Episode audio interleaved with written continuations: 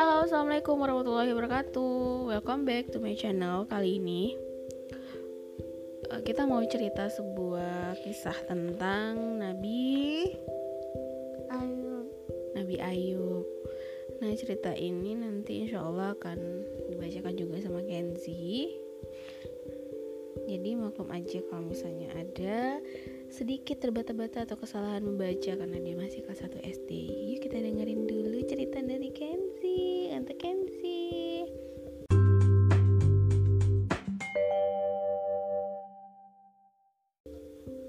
Nabi Ayub termasuk nabi yang kaya raya. Hewan ternaknya berkembang biak. Perdagangannya maju pesat, lahan pertaniannya terbentang luas, segala usaha selalu menghasilkan keuntungan besar. Keberuntungannya kian lengkap dengan istri yang cantik. Istrinya bernama Rahmah. Anak-anaknya juga banyak dan sehat. Mereka sekeluarga menempati istana yang indah. Kekayaan Nabi Ayub tidak membuat orang lain iri sebab dia gemar menolong. Nabi Ayub bergaul dengan akhlak yang baik, setiap orang dihormatinya. Masyarakat juga didakwahinya menyembah Allah. Banyak manusia yang memuji dan mencintai selain itu Nabi Ayub juga dipuji para malaikat. Cuma iblis yang iri padanya. Iblis memang benci pada manusia baik. Sang iblis menyamar sebagai laki-laki tua, dia menggoda. Wahai Ayub, kamu sudah banyak berbuat baik. Sudahlah, jangan terus-terusan bersedekah. Kamu juga perlu bersenang-senang. Nikmatilah hartamu sepuas-puasnya. Nabi Ayub menyadari dirinya sedang disesatkan.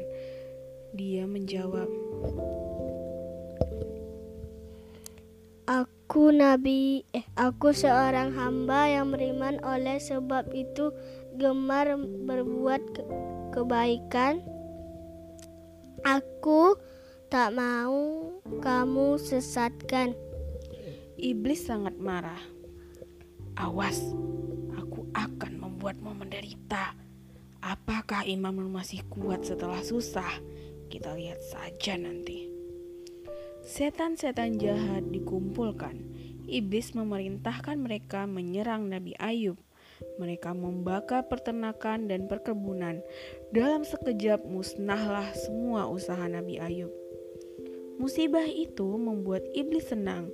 Dia datang mengejek. Betapa malang nasibmu Ayub. Kamu susah payah beramal baik, tetapi Allah menyiksamu dengan musibah. Nabi Ayub tetap tenang. Ini hanya ujian hidup, asalkan kita beriman, tentu sabar menghadapinya. Nanti Allah akan memberi rezeki yang lebih banyak. Setelah itu, dia semakin rajin bersedekah. Nabi Ayub tetap menolong orang yang kesusahan di hadapan para setan iblis berkata, "Wah, ternyata ini Imam Ayub masih kuat. Aku tahu penyebabnya. Penyebabnya karena dia masih punya istana megah. Selain itu, ia memiliki anak-anak yang sehat. Setan-setan kembali menyerbu. Tiba-tiba gempa bumi hebat mengguncang. Akibatnya robohlah istana Nabi Ayub. Bahkan putri-putrinya meninggal dunia dihimpit reruntuhan. Nabi Ayub dan istrinya menghadapi dengan sabar. Keduanya berdoa, "Ya Allah, terimalah Allah arwah anak-anakku, tempatkanlah mereka di surgamu." Sejak itu, Nabi Ayub benar-benar miskin. Dia dan istri tinggal di rumah sederhana. Pakaiannya rus- lusuh dan compang-camping. Iblis datang lagi. Nah, sudah ku bilang, percuma saja berbuat baik. Hidupmu malah makin susah. Berhentilah menyembah Allah. Kami takkan berhenti menyembah Allah.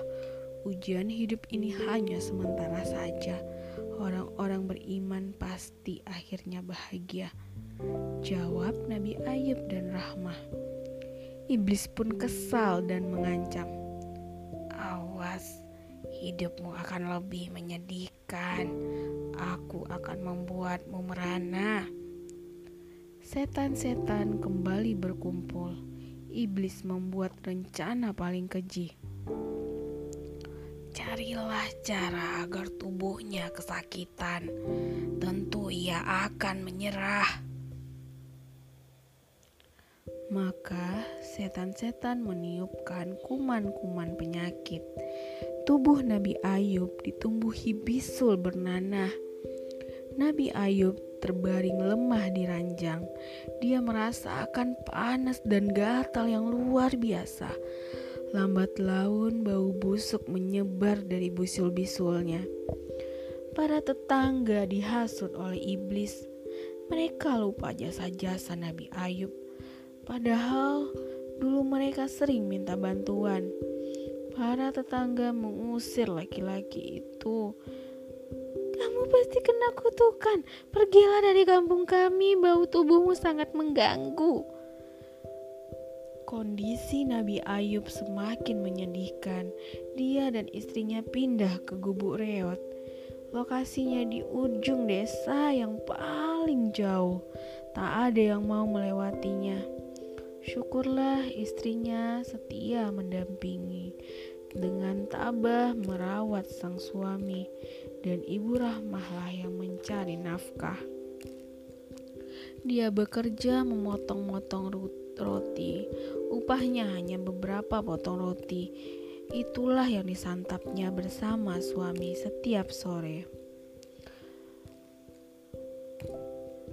Rupanya Orang-orang munafik banyak tak suka.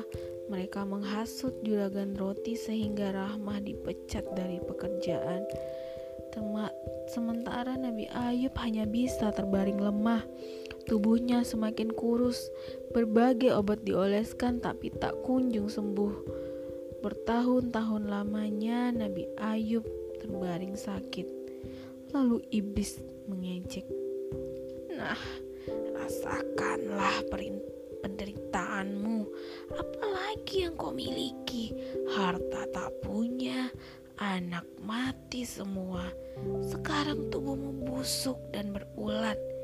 Ingkarlah kau pada Allah. Sia-sia aja kamu menyembahnya. Keimanan Nabi Ayub benar-benar tangguh. Dia lalu menjawab, Tak apa-apa tubuhku memang sakit, tapi lidahku masih sehat. Aku tetap mampu beribadah. Itu sudah cukup membuatku bersyukur. Memang benar Nabi Ayub tetap tabah dan taat beribadah. Dia bisa sholat sambil berbaring. Lidahnya masih lancar membaca bacaan sholat. Tampaknya Nabi Ayub tak mungkin jadi kafir. Imannya selalu kuat untuk dikalahkan. Tapi iblis pun menghasut ibu Rahmah. Hidupmu sudah sangat menderita.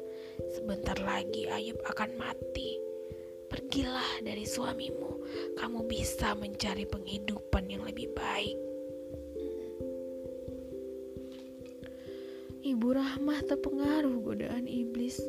Dia berkata, "Suamiku, aku hendak pergi. Aku tak sanggup terus begini." Alangkah kagetnya Nabi Ayub. Dia tak menyangka iman istrinya lemah. Dahulu kita dalam waktu yang lama. Mengapa kamu tak bersabar dengan ujian ini? Bersyukurlah pada Allah atas nikmat nikmat dahulu. Niscaya Allah akan memberikan rezeki di masa datang. Kata Nabi Ayub kepada istrinya. Ibu Rahmah tak mematuhi nasihat suami. Dia pergi meninggalkan suami yang sakit parah. Saking marahnya Nabi Ayub berkata, benar-benar keterlaluan. Aku bersumpah, nanti setelah sehat aku akan memukulmu. Aku pukul kamu seratus kali. Meski tinggal sendirian, Nabi Ayub tak putus asa. Dengan penuh keimanan, Nabi Ayub berdoa. Doanya diabadikan dalam Al-Quran pada surat Syad ayat 41 yang artinya Ingatlah tentang hamba kami Ayub ketika ia menyeru Tuhannya. Sesungguhnya aku diganggu setan dengan kepayahan dan sisaan. Allah memberikan Ayub mukjizat yang hebat. Lalu datanglah perintah Allah yang tercantum dalam Al-Quran. Allah berfirman, Hentakkanlah kakimu, inilah air yang sejuk untuk mandi dan minum pada surat Syad ayat 42. Nabi Ayub melaksanakan petunjuk Allah. Dia segera menghentakkan kaki, tiba-tiba muncullah air yang sejuk. Nabi Ayub meminum air mukjizat itu. Tubuhnya kembali kuat, tenaganya kembali pulih. Kemudian Nabi Ayub mandi, mendadak semua bisul busuk-busuk itu hilang, seluruh kulitnya bersih kembali. Nabi Ayub bersujud tanda syukur pada Allah. Sementara itu, Nabi Ibu Rohmah menyesal terpengaruh bujukan setan. Ibu Rohmah khawatir dengan keselamatan suaminya. Dia kembali pulang ke rumah. Ternyata Nabi Ayub berdiri dengan gagah. Suaminya sudah sehat seperti sedia kala. Ibu Rahmah amat bersyukur dengan kesembuhan suaminya. Dia minta maaf atas kesalahannya. Nabi Ayub pun memaafkan kesalahan istrinya. Keduanya kembali hidup bersama suami istri itu memulai berbagai usaha. Nabi Ayub kembali menjadi kaya raya, bahkan lebih kaya dari sebelumnya. Nabi Ayub mampu membangun istana megah, anak-anaknya pun sehat dan pintar. Tapi Nabi Ayub teringat sumpahnya akan memukul istrinya seratus kali.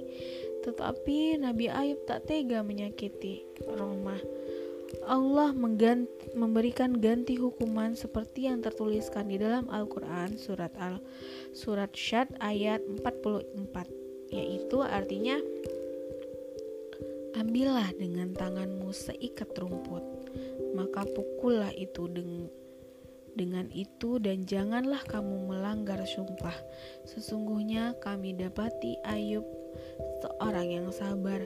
Dialah sebaik-baik hamba Sesungguhnya dia amat taat kepada taat kepada Tuhannya. Nabi Ayub mengikat seratus rumput kering, lalu dipukullah secara lembut kepada ibu Rahmah hingga Nabi Ayub tak melanggar sumpah, sedangkan istrinya tidak tersakiti. Allah memberi kemudahan kepada Nabi Ayub dan Rohmah. Selanjutnya tak ada lagi penderitaan. Nabi Ayub sekeluarga hidup damai dalam kebahagiaan. Iblis dan pengikut-pengikutnya yang jahat telah gagal. Nabi Ayub benar-benar layak diteladani. Sekian cerita kita, yuk kita tidur lagi. Assalamualaikum warahmatullahi wabarakatuh.